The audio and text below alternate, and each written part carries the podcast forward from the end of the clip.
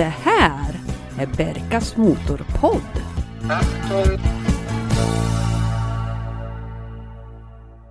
Hej, hallå och välkomna till ett nytt avsnitt utav Berkas Motorpodd. Det är kul att ni följer oss på Facebook och Instagram och även har hittat in till den nya hemsidan www.berkasmotorpodd.se. Det här är ju podden för dig som gillar vanliga och ovanliga bilar och sportbilar. Har du någonting trevligt själv i garaget och vill prata lite grann? Ja men hör av dig. Mail finns också. Berkasmotorpodd snabelagmail.com Det är jag som är Berka, så nu kör vi så vi trivs.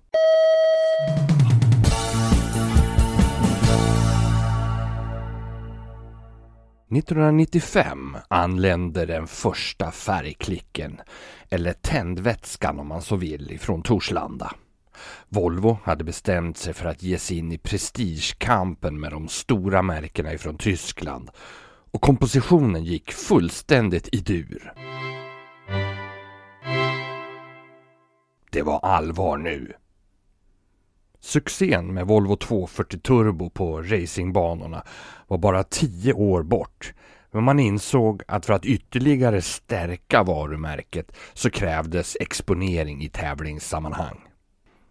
I april 1994 sjösattes Volvos projekt Back on Track när två racingstripade Volvo 850 kombi ställde upp sig på startlinjen på Truxtonbanan i England. It was a time for all the teams to weigh up the new opposition. And the new entry from Volvo, that got a reaction as well.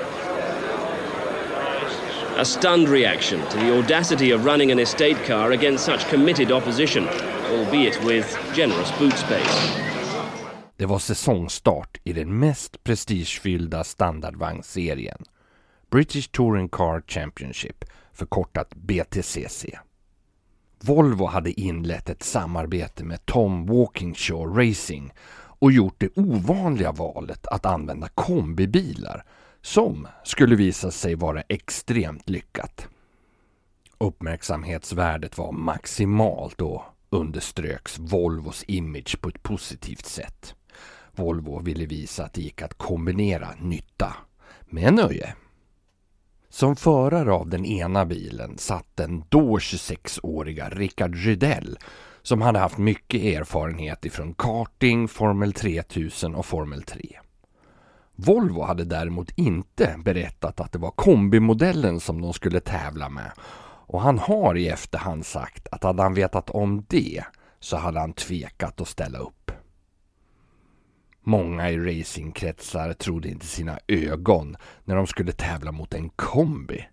Och för att retas lite extra så stoppar Volvo in en stor leksakshund i bagagerummet under uppvisningsvarvet. Volvo-kunderna ville såklart kunna köpa den nya raciga bilen och för att tillgodose efterfrågan skapades Volvo 850 T5R i en uppseendeväckande krämgul färg med sportigare chassi än den vanliga turbon. Den hade 240 hästar och all tänkbar lyx i utrustning. Och den tillverkades i endast 2500 bilar som såldes som gult smör i solsken.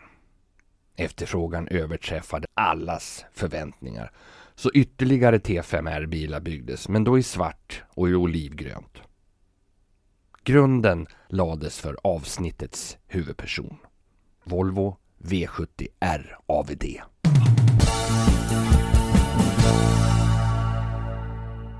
Traditionen med tuffa lanseringsfärger blev Volvos signum. Gula och röda 850 hade funnits och 1998 kom så den uppdaterade V70-serien. Naturligtvis i en extrem färg, saffrans metallic. Också den här gången fanns det en turbomatad femcylindrig motor under huven med hela 250 hästar.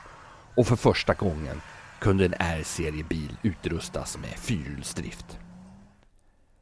Både manuell och automatlåda fanns som tillval. Och det är ju naturligtvis så att den manuella är den mest eftertraktade versionen. 396 V70 RAVD i saffran tillverkades med manuell låda. Bilen var skodd med antingen 16 tums Meteor eller 17 tums kometfälgar som gav bilen ett otroligt läckert utseende. Sommaren 2004 hade R-bilarna sakta men säkert börjat sjunka i pris och i en annonsbörs så fanns det en saffrans AVD till salu hos en bilförmedling i Globen i Stockholm. Priset var 160 000 och jag tänkte att det nog skulle kunna gå att få ner det där ytterligare. Jag bokade en provkörning och åkte ner för att kolla. Väl på plats fanns en säljare och bilen som var i ett gott kosmetiskt skick. Men när man skickade i backen så small det till varje gång någonstans i drivlinan. Både jag och säljaren reagerade. Vi åkte tillbaks för att ringa ägaren för att kolla ljudet och eventuellt förhandla priset. Men ingen svarade på samtalen. Så jag fick lämna bilen och en frustrerad säljare. I efterhand så var det där en riktig tur eftersom det här utlöste en kedjereaktion som gjorde att jag kunde köpa min röda Audi Quattro längre fram. Hösten 04 så letade jag efter en lämplig vinterbil. Så jag hade köpt en V70 Cross Country någon vecka efter Audin. Bilen hade då ägts av en hästägare i Skövde. Och jag som är allergisk mot hö insåg att bilen var ju helt obrukbar för mig. Den såldes någon månad senare och jag fick återigen upp ögonen för V70R.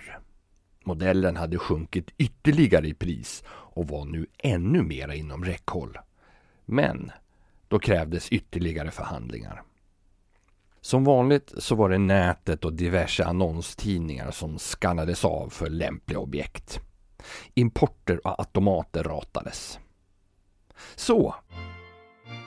En eftermiddag på en fredag i februari 2005 så dök bilen upp. En manuell AVD, svensksåld och väldokumenterad. Till och med fakturan från bilhandeln som hade sålt en ny fanns med i handskfacket på 435 900 kronor. Bilen fanns utanför ett samhälle vid namn Knutby. Ett telefonsamtal ringdes och vi bestämde att jag skulle komma och titta på bilen efterföljande söndag.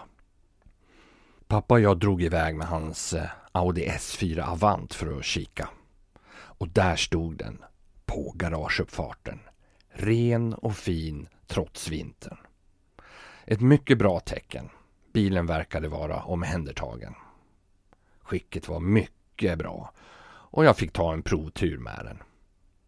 På en oplogad parkering så kollade vi så att AVD-systemet funkar som det skulle.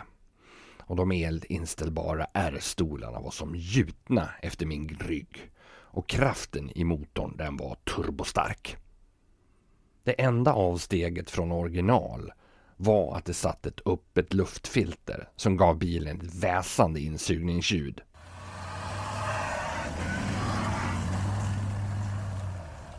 Helt nya Hakkapelitta dubbfria vinterdäck satt på originalfälgarna på 16 tum och sommarhjul fanns med på groteska 19 tums fälgar av okänt märke målade i vitt.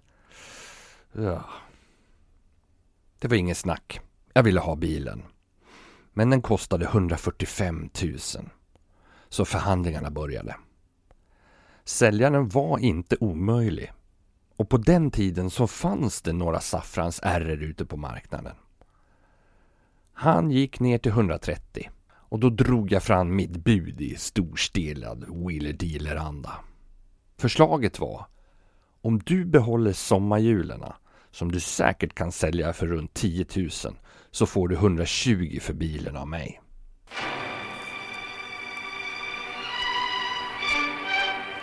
Han accepterade förslaget och jag hade köpt en svensksåld Volvo V70 RAVD 1998 i saffrans metallic. Den fick genast namnet ESE på grund av sitt registreringsnummer. ESE var den första bilen som jag betalade digitalt. Innan så hade det varit postväxlar eller kontanter. Så jag hade tagit med mig min laptop, telefonsladd och bankkortet som man hade med skrapkoder till inloggningen till internetbanken. BankID och Swish, det fanns inte 2005. Datorn pluggades in i telefonjacket och ett servernummer ringdes upp för anslutning. Säljaren och hans sambo var stumma av teknikens utveckling och som tur var så hade vi samma bank. Jag gjorde en direktöverföring av pengarna och han kunde ringa sitt telefonsvar på banken och höra att saldot hade ökat med 120 000. Bilen var min.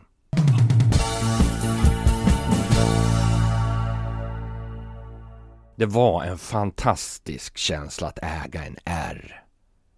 Bilen hade precis slagit om till 14 000 mil och gick som ett skott.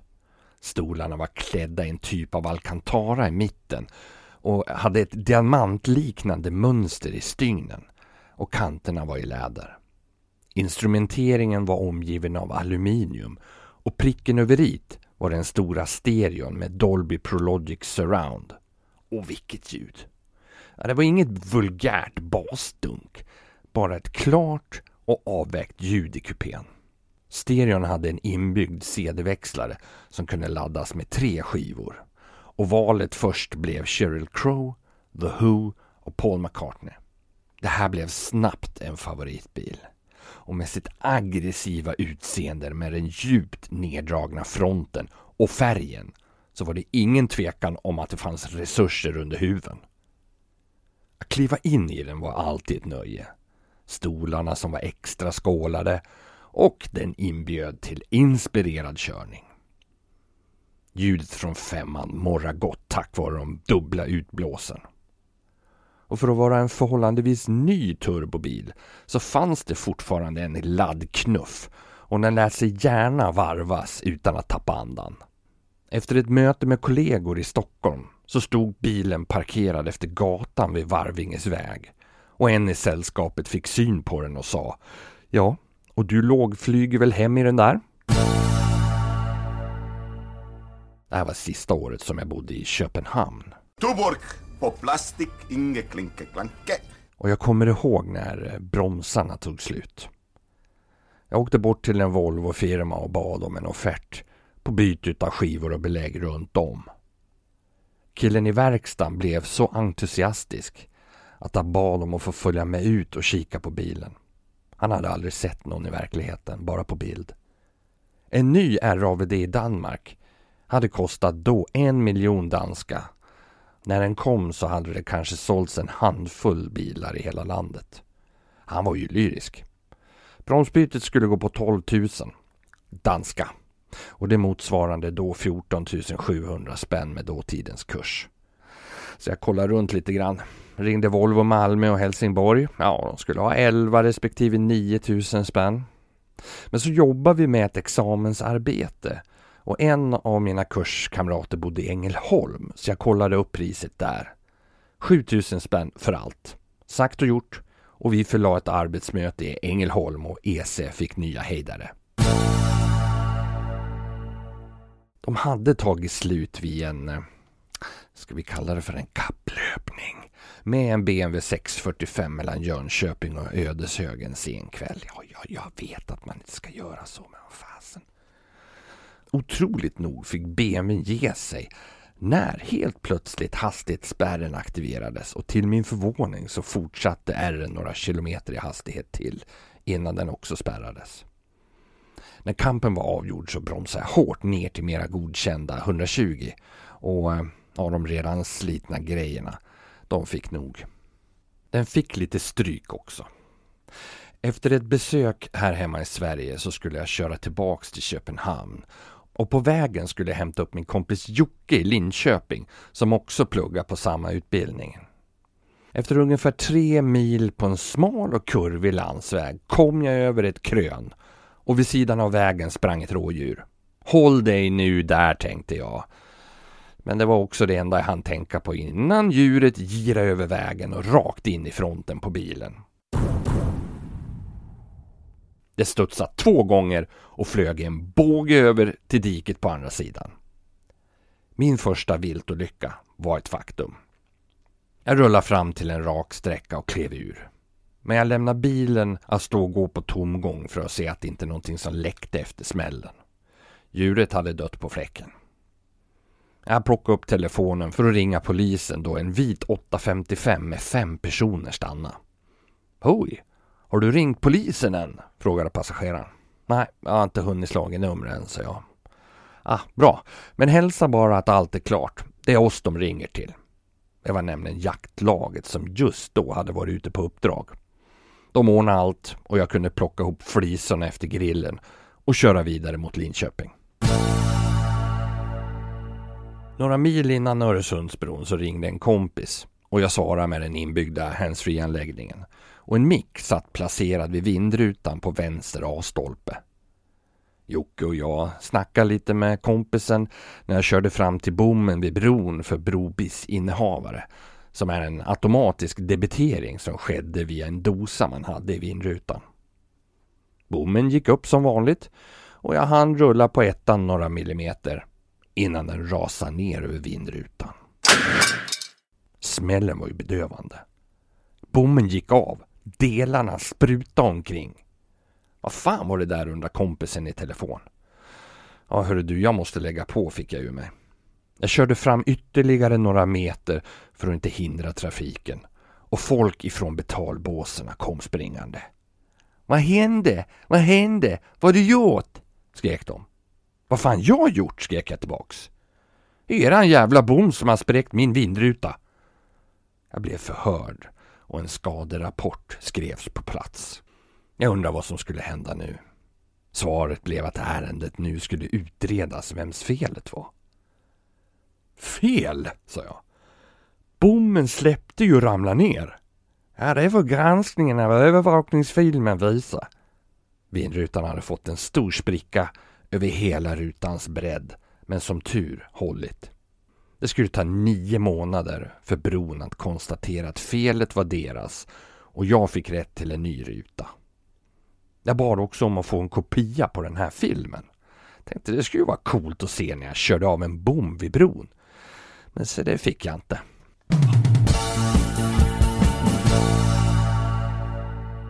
Jag hade inga problem med bilen.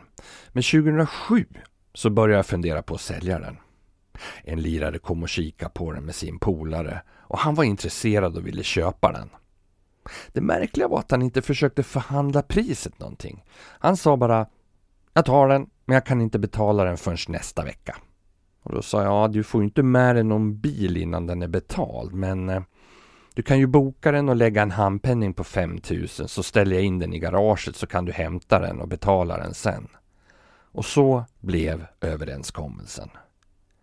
Jag fick 5000 och de gav sig av efter vi hade skrivit ett köpeavtal. För att inte riskera någon skada på bilen så fick den stå hemma i mitt garage, precis som vi hade kommit överens om. Men det här betydde att jag inte hade någon egen bil att köra omkring med till vardags. Så snabbt letade jag reda på en ljusblå metallic Volvo 740 GL 88 uppe i Hedemora och den fick duga så länge. 8000 spänn för ett rostfritt exemplar var väl inte så tokigt.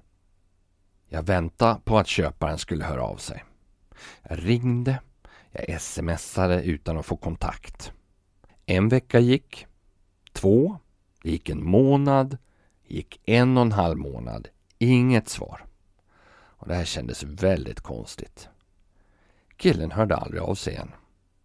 Jag kollade med några bekanta inom bilhandeln och och jag hade gjort allt i min makt för att kontakta köparen utan framgång och jag kunde behålla både bil och handpenning.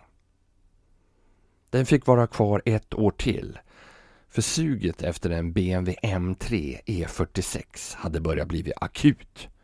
Men det ska vi prata om längre fram. R'n såldes våren 2008 och det dröjde faktiskt något år innan jag upptäckte att jag ångrar försäljningen.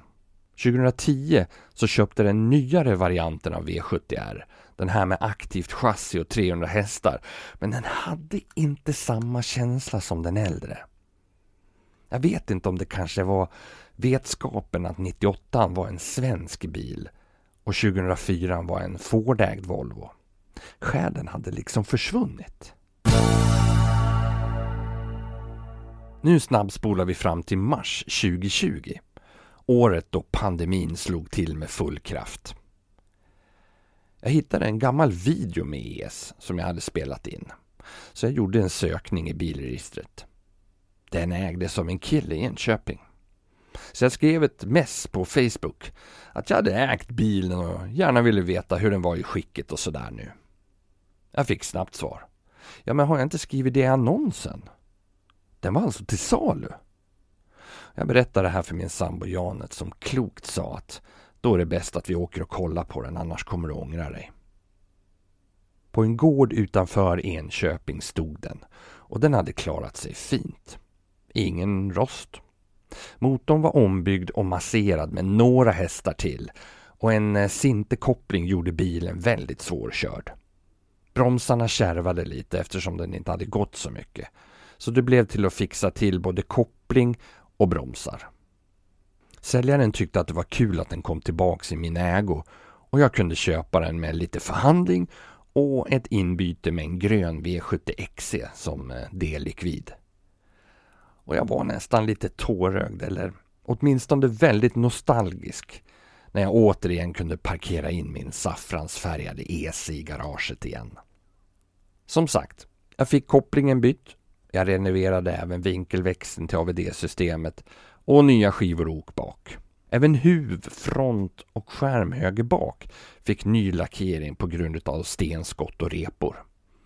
Så hitta en omgång original 17 tums kometfälgar för att få rätt original look. Nu går den som ett skållat troll med Sheryl Crow, The Who och Paul McCartney i CD-växlaren. Vad tyckte pressen? Ja, men då ska vi väl ta och prata lite prestanda på Volvo V70 RAVD och eh, vem skulle kunna hjälpa mig bättre än Erik Lund? Välkommen tillbaka till Motorpodden Erik. Ja, tack Jörgen. Det är alltid lika trevligt att vara med och surra lite om bilarna i din podd här. Eh, du har ju ägt de flesta som du pratar om, eller rent av alla. Jag har inte ägt så många bilar, men jag har haft förmånen att köra en del i, i mitt yrke genom åren. Och V70R på sin tid var ju en eh, häftig upplevelse. Eh, just den här skärningspunkten mellan en eh, fredlig, eh, sansad och väldigt funktionell Volvo herrgårdsvagn och eh, det här eh, mycket heta temperamentet. Och ljudet från den femcylindriga motorn, det var ju riktigt fint på sin tid. Förresten även nu.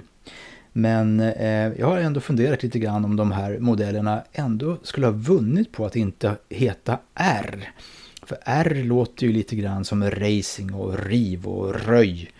Och på sätt och vis var det ju det, för det var ju väldigt fint eh, drag i motorerna, men eh, de hade ju inte direkt på någon bana att göra. De var ju ganska tungfotade i eh, degig styrning och, och ett ganska sävligt uppträdande på så sätt. De var ju egentligen mera Gran Turismo skulle jag säga med starka motorer och skön fjädring och fin långfärdskomfort. Ja, vi kanske ska nämna det att R står för refinement och inte racing. Eh, som betyder förfining och det är väl ungefär som våran konklusion är av de här bilarna. En förfinad bil. B70R och S70R för den delen kom ju också i en tid som var lite gynnsam för Volvo eftersom Audi just då inte hade någon riktig konkurrent eh, på banan. S6 var ännu inte presenterad i, i något nytt utförande. Så att, eh, då var väl Volvo lite fredade där på marknaden ett tag, om man nu kan se det så. Men var det här en snabb bil då? Snabb var den. 0 till 100 på 7,3 sekunder och en toppfartsspärr som klippte i vid 250 enligt uppgift.